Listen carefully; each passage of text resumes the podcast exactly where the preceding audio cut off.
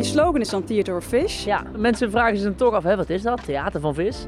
Nou, dat wilden wij gewoon aan de binnenkant creëren. Wel iets wat je nog niet gezien hebt. Echt een theater op die manier van, van alle vissen die we hebben. Ja. Hiervoor zat een Arabische nachtclub. En die heeft aan de buitenkant al die gouden ornamenten gedaan. En het ziet er ook een beetje theatraal uit. Ja. Ja. Dat is eigenlijk puur geluk geweest. Oké. Dus die naam paste er perfect bij. Theater Ja. of Fish als tagline. Ja, dan komt het dan heel, toevallig heel mooi samen. Ja, ik moet wel eerlijk zeggen, ik zie wel dat één lampje kapot is in de P. Ja, dat zie jij. Dat valt jou dan meteen op, zie je die daar? Ja, ja, ik zie hem, ja. ja, een kapot lampje in de gevel. Dat zie je als restauranteigenaar natuurlijk meteen. Sven Sallaerts is 31 jaar en samen met zijn compagnon Jos de Jong de hoofdrolspeler van deze nieuwe aflevering van Horeca Talentportret. Een podcastserie van Sligo waarin we op zoek gaan naar het verhaal achter jong succes. Sven en Jos zijn vijf jaar geleden als twintigers samen begonnen. Inmiddels runnen ze drie verschillende restaurants in Amsterdam en borrelen er vele ideeën. We staan voor hun visrestaurant Pesca, midden in de Amsterdamse Jordaan. Een concept waar Sven en Jos heel goed over na hebben gedacht. Maar dat je een concept vooraf heel goed uitdenkt, wil niet zeggen dat je in één keer raak schiet. Het is testen, kneden en vooral durven. Hoe pak je dat aan? Daarover gaat deze nieuwe aflevering van Horeca Talentportret. Kom eten vanavond. Zeker. Gezellig. Te vieren. Hey, Sven, aangenaam. Dat is leuk. Wat heb je te vieren? Ik eh, heb net getekend voor een nieuwe baan. Dat is Eh, lekker. Ik ga een start-up in. Totaal eh, carrière switch. Dus eh Gefeliciteerd. gaan we vandaag. Leuk dat je er bent. Leuk. Wat is typisch Pesca? Ik denk wel die vismarkt en de beleving die je erbij krijgt. Mhm. Ik merk in totaliteit dat het wel die, die, die experience is. Natuurlijk, iedereen spreekt wel over de experience economy. Maar daar hebben we ook wel geprobeerd een iets te creëren. Je wilt er toch uitschieten op een bepaalde manier. Dus, Ja, dus je hebt gewoon een hele andere customer journey, een hele andere beleving. Je start natuurlijk bij een host, je komt bij de vismarkt. en Dan kom je op de wijnmarkt terecht, je neemt je eigen wijn mee. Doe gewoon een aantal dingen echt anders, die je normaal niet in een restaurant zou, eh, zou hebben. We hebben bijvoorbeeld ook geen menu. Eh, we bellen en prijzen vis af eh, op de markt. Dus je creëert daar ook nog een extra beleving. Los van dat je daar al staat uit te zoeken in plaats van op een menu. Mhm. Dus ik denk dat dat soort zaken wel het totaal maken dat we gewoon een ander soort restaurant zijn. Kom binnen, lopen we even achterdoor. ja. Ah, ja, komt meteen binnen inderdaad bij de, de visbar. Ja, waar ze nu dus bezig zijn om eh, gasten al vis te verkopen. Dit is voor iedereen die binnenkomt het eerste station, hè, vertelde je net. Ja, voor iedereen. Nou, eigenlijk word je meteen ontvangen door de host. Ja, Eh, daar krijgen ze in principe, eh, vragen we met, of dat ze willen starten met een drankje, dus met een biertje of een glaasje cava. En daarna komen ze eigenlijk meteen op de vismarkt terecht. Waarbij ze dus met een van de fishmongers, zoals ze noemen, de visboeren, de viswijven, zo mogen we het ook soms wel noemen, meteen de vis gaan, gaan uitzoeken inderdaad. Hier heb je dus letterlijk alle catch of the day liggen. Ehm, we proberen ook dynamisch daarin te prijzen. Ja, dus we hebben eigenlijk nul food waste. Natuurlijk een heel klein beetje, maar we noemen altijd 0%, omdat we gewoon zo weinig hebben. Precies wat weg moet, verkopen als eerste uit. De prijs verlagen we. want de prijzen die hier staan, hè, ik zie de ceviche, mosselen, eh garnalen, zeebaars. Eh, dit verandert iedere dag, wat hierop staat. Of, eh. Ik zou liegen als ik zou zeggen dat elke dag zou veranderen, maar wel vaak. Ja, dat heeft ook te maken met de dagprijzen. We zitten zijn we ook niet op. We hebben onze vaste marges op producten. Ehm, en daar we proberen ongeveer 31% foodkost aan te houden. ja, iets hoger is dan mensen willen. Maar vis is natuurlijk iets duurder en we wilden ook wel een price statement aanmaken. Dus dan ligt het goed aan hoe goed wij de inkoop doen, zo verlagen we ook de prijs. Dus we maken niet meer marge erop. En zo start een Pesca Experience. Het idee daarvoor ontstond in Barcelona. Jos en Sven studeerden allebei aan de hotelschool in Maastricht. Maar ze leerden elkaar pas kennen toen ze in Barcelona een master gingen doen. Daar moesten ze een innovatief concept ontwikkelen. Ze keken goed om zich heen en al gauw popten de ideeën op, vertelt Sven. En toevallig zit er een eh, zaak in Barcelona, Paradetta heet het. Mhm. Het heeft acht eh, kleine zaken, acht zaakjes al. Ehm, en dat is een soort kantinegevoel waarbij je een kleine vismarkt hebt, je vis bestelt en daar direct bereid voor je wordt en eh, die je opeet. En daar is wel het eerste idee van Pesca ontstaan. En Ja, Zo jullie kwamen hebben we eigenlijk, vaak en jullie eh, vonden dat zo'n mooi concept. Ja, vond het heel leuk, heel lekker. Ja. We denken, nou, als je dit nou in een verbeterd jasje doet en je gaat dat in Nederland doen, dat moet een succes worden. En toen Ja. hebben we eigenlijk van eh, nog een tiental andere restaurants hebben ook ideeën gejat, zo mag je het heel netjes zeggen. Mhm. Ja, en dat gecombineerd maakt uiteindelijk, eh ja, uiteindelijk Pesca. En hoe doen jullie dat qua, qua werkverdeling? Hebben jullie ieder een eigen focus? Zeer zeker. Ze zeggen wel eens, ehm, Zonder Sven had Pesca nooit bestaan. En zonder Jos was het al drie keer failliet geweest. Ja, ja, oké. Eh, ik denk dat daar genoeg. onze rol misschien ook wel mooi, eh, mooi getoond wordt. Daar zie je de open keuken. Dan zijn ze nu lekker alle gerechten aan het bereiden. Ah, ja. Dus met de barbecue erbij. En daarvoor Ja, hebben we een soort van pas. Waar eigenlijk alle, alle gerechten door de chefs worden neergezet. En waarbij het team ze naar de tafels brengt. Je kiest aan de voorkant kies je dus je vis. Dat wordt dan door eh, een van de personeelsleden naar de keuken gebracht. Dan zit er eigenlijk in de sardineblikjes die we uitdelen zit een kleine zender. En dan weten wij door een scansysteem op welke tafel ze gaan zitten. Aha, zo werkt En dat. zo zien wij in de keuken waar we het eten naartoe moeten brengen. Ja, ja, ja. We komen nu bij het restaurantgedeelte achteraan. Je ziet dat het eh, redelijk rustig is. Ik denk dat we vanavond ongeveer, eh, het is nu maandagavond dat we nu met elkaar spreken. Verwacht dat we ongeveer tussen de 70 en 80 gasten doen.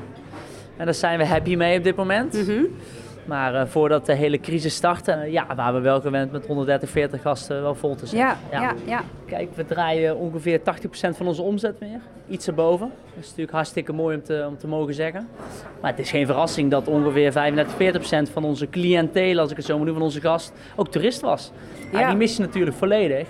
En dat is, eh, ja, dat is hartstikke balen. Ja, ja die gaan voorlopig ook niet eh, in zo grote getalen terugkomen. Nee. nee. Het zal geen verrassing zijn dat ook de restaurants van Sven en Jos zijn getroffen door de crisis. Toch hebben de ondernemers niet stilgezeten. Ik, ik kan het moment nog zo herinneren. Het was natuurlijk zondagmiddag, half zes. Ik kon niet begrijpen dat de overheid op zo'n manier gaat zeggen... ja, over een half uur moet je maar dicht. Maar toen hebben we eigenlijk binnen 48 uur voor elkaar gekregen... voor drie zaken dus ehm, delivery op te richten.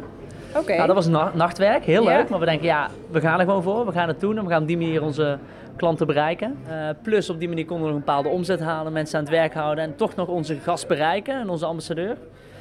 Dus binnen 48 uur lukte dat voor drie zaken. Dat is, eh, je hebt flink doorge, Eh, dat was nachtwerk. Ja. Dat was wel echt leuk. Ja. Eh, Mooi om te zien hoe je op die manier dan binnen coronatijd ook, ook, ook na gaat denken over andere soorten businessmodellen. Ja. Wij hebben En die besloten... delivery, want jullie zijn nu alweer een tijdje open, Ja. die, die bestaat nog steeds? We doen nog steeds. We hebben zelfs een stukje keuken bijgebouwd om dat te kunnen faciliteren, Mhm. te blijven doen. We zien er wel ook in voor de toekomst een model in.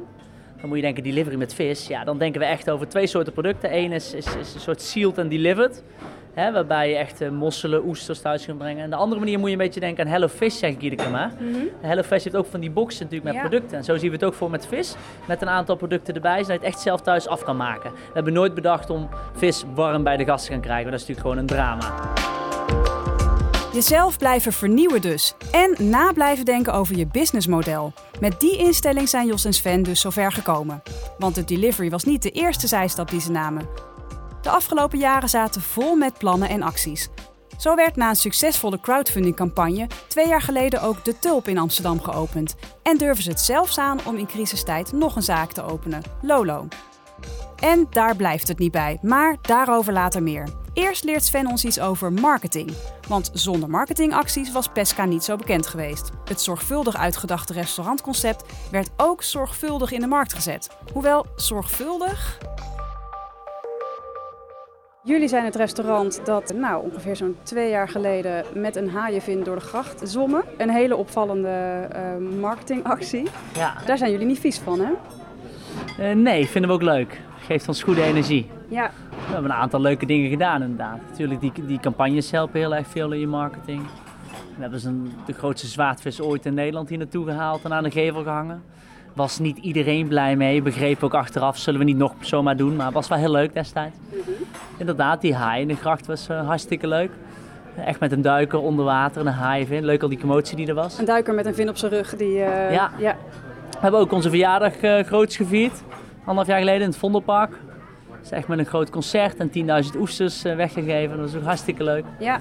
We hebben ook wel eens in een, in een luchtballon gekookt. Met Angelique Smijk. Geweldig, geweldig hoe ze dat met ons wilden doen. En ook op grote hoogte daarin dus gekookt. Ja, Wij geloven dat marketing moet, moet gewoon echt uniek zijn. Dat is een van de kernwoorden die wij gebruiken. En eerlijk, heel eerlijk. Ik denk dat het heel belangrijk is om het echte verhaal te vertellen, het ondernemersverhaal.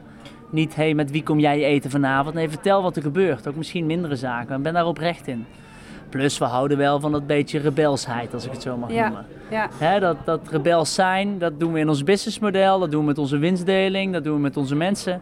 We proberen anders te zijn, de status quo te vergeten en wel echt een verandering teweeg te brengen in, in hospitalityland. Nou, op marketinggebied doen we dat dus ook graag. Ik zeg soms wel eens met jongens, binnen onze markt en activiteiten moet er altijd iets met een boete zijn. Of in ieder geval moeten we erover nagedacht hebben. Want vaak als je een boete ergens voor krijgt, dan heb je het echt goed gedaan. Dan heb je of landelijk nieuws gehaald, of iedereen spreekt over je. Hè? Maar dan heb je wel, ben je net iets te ver gegaan. Op een fatsoenlijke manier, dat dan wel. Hè? Moeten we oppassen wat ik zeg. Hoeveel boetes heb je al? Valt mee, ik denk twee die we met marketing technisch gehad hebben. Dat is het uiterste. En Als je daarover nadenkt, dan is het gewoon wel heel leuk. Je moet niet te bang zijn om een beetje over het randje te gaan. Maar dan weet je wel dat iedereen over je spreekt of van je gehoord heeft. Ja, precies. Het is er voor, voor de gedachte om, om, om iets, iets, eh, een iets boete kregen met die duiker in, het, in, het, eh, in de kanaal in Ja. de gracht van Amsterdam. Ja. Dat is natuurlijk verschrikkelijk onveilig. We hadden een aantal boten eromheen. En we hadden communicatie met de duiker die onder water zat. Mhm. Ja, daar waren ze niet zo blij mee. Maar goed, er waren een aantal personen niet zo blij mee. En half Nederland die het zacht vond natuurlijk schitterend. Ja, ja, precies. Maar het past natuurlijk niet bij iedereen. Nee. Alleen, ik denk wel dat er een kern in zit. En die kern is dat je anders moet zijn dan de buurman of dan iemand anders. Je moet durf zijn, je op een andere manier te laten profileren. En dat hoeft niet meteen met een boete en een haai in de grachten. Maar zorg wel dat je anders bent en leuk bent en oprecht. Ik denk dat mensen dat zeker in deze tijden gewoon gigantisch waarderen. Ja.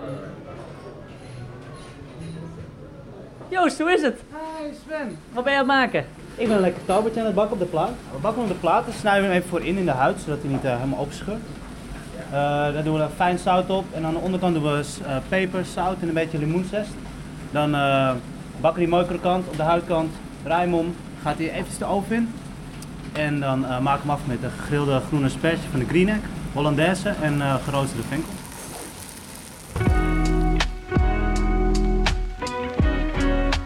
In totaal werken bij de restaurants zo'n 100 mensen, waarvan 35 bij Pesca.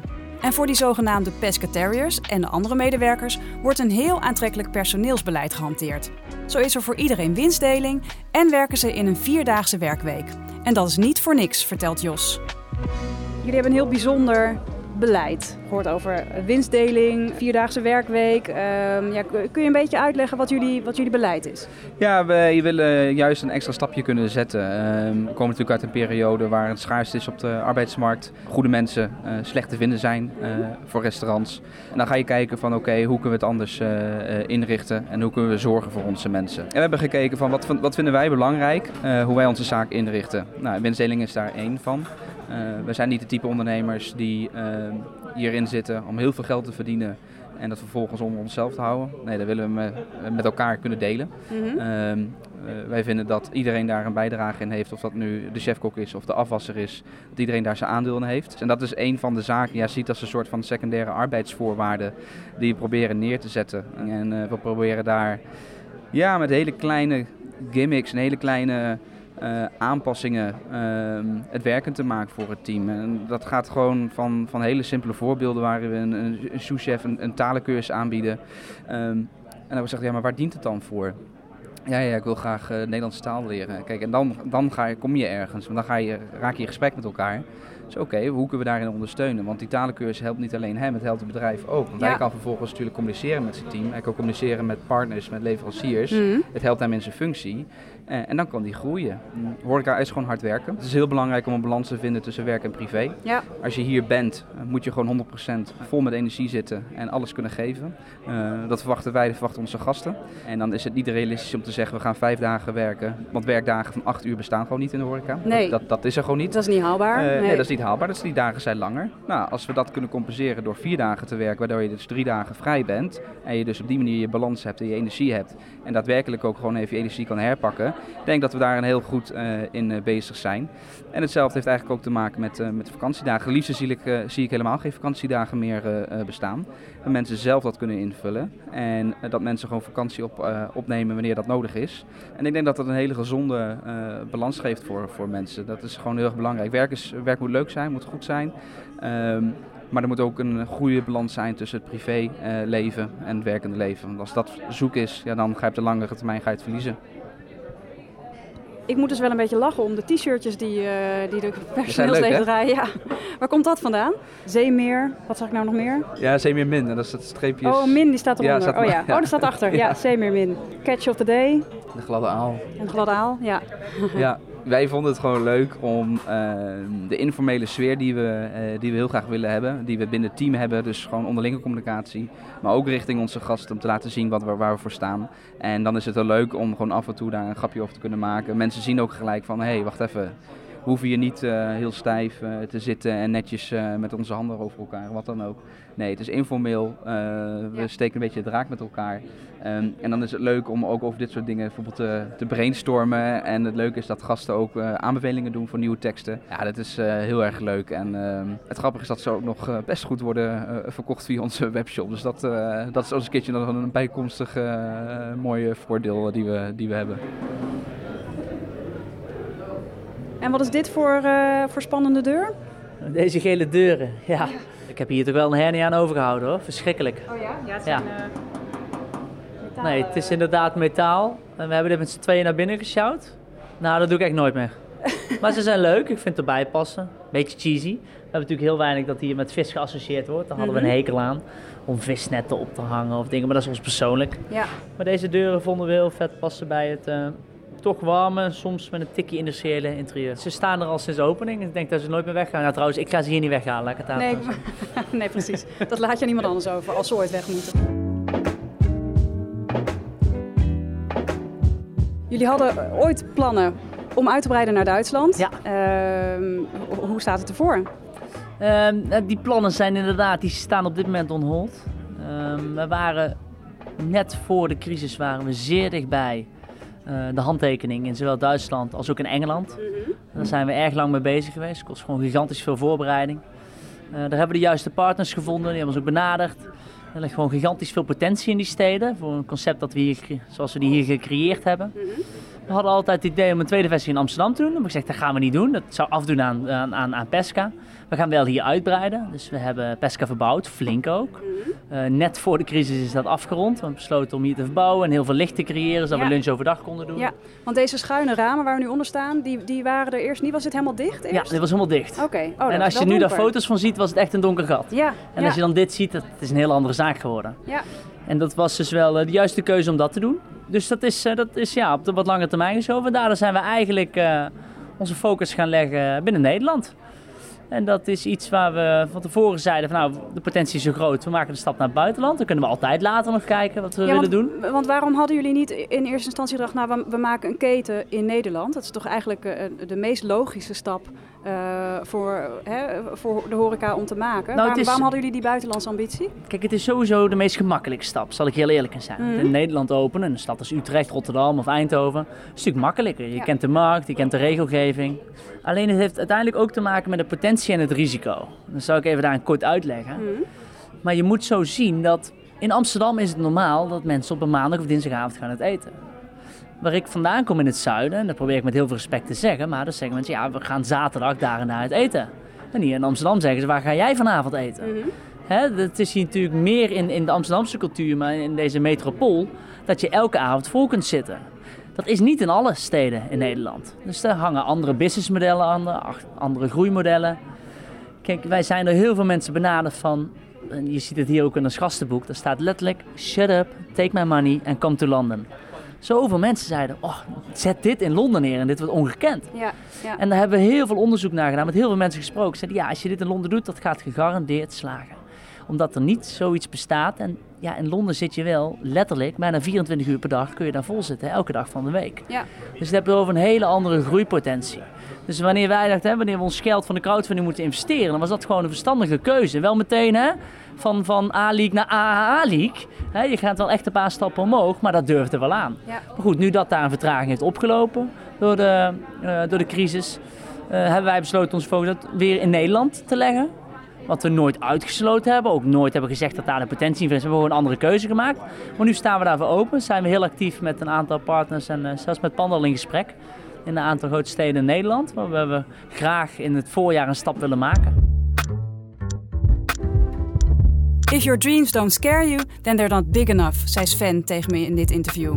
En groot dromen, dat durven deze mannen wel. Maar hebben ze dan nooit wakker gelegen van hun business? Uh, jawel, zeker. Zeker. En zeker in het begin toen wij openden. Ik denk dat we ongeveer het dubbele kwijt waren wat we begroot hadden. Ja, dus op een gegeven moment startten wij, dat was in mei 2016. Mm -hmm. Uh, ja, er kwam niemand. Mei, juni, juli, augustus. En de schulden stapelden zich op. Ja, eerst Elke drie, maand maanden. een, uh, ja. min 8, min 10, min 16. Oh, ja.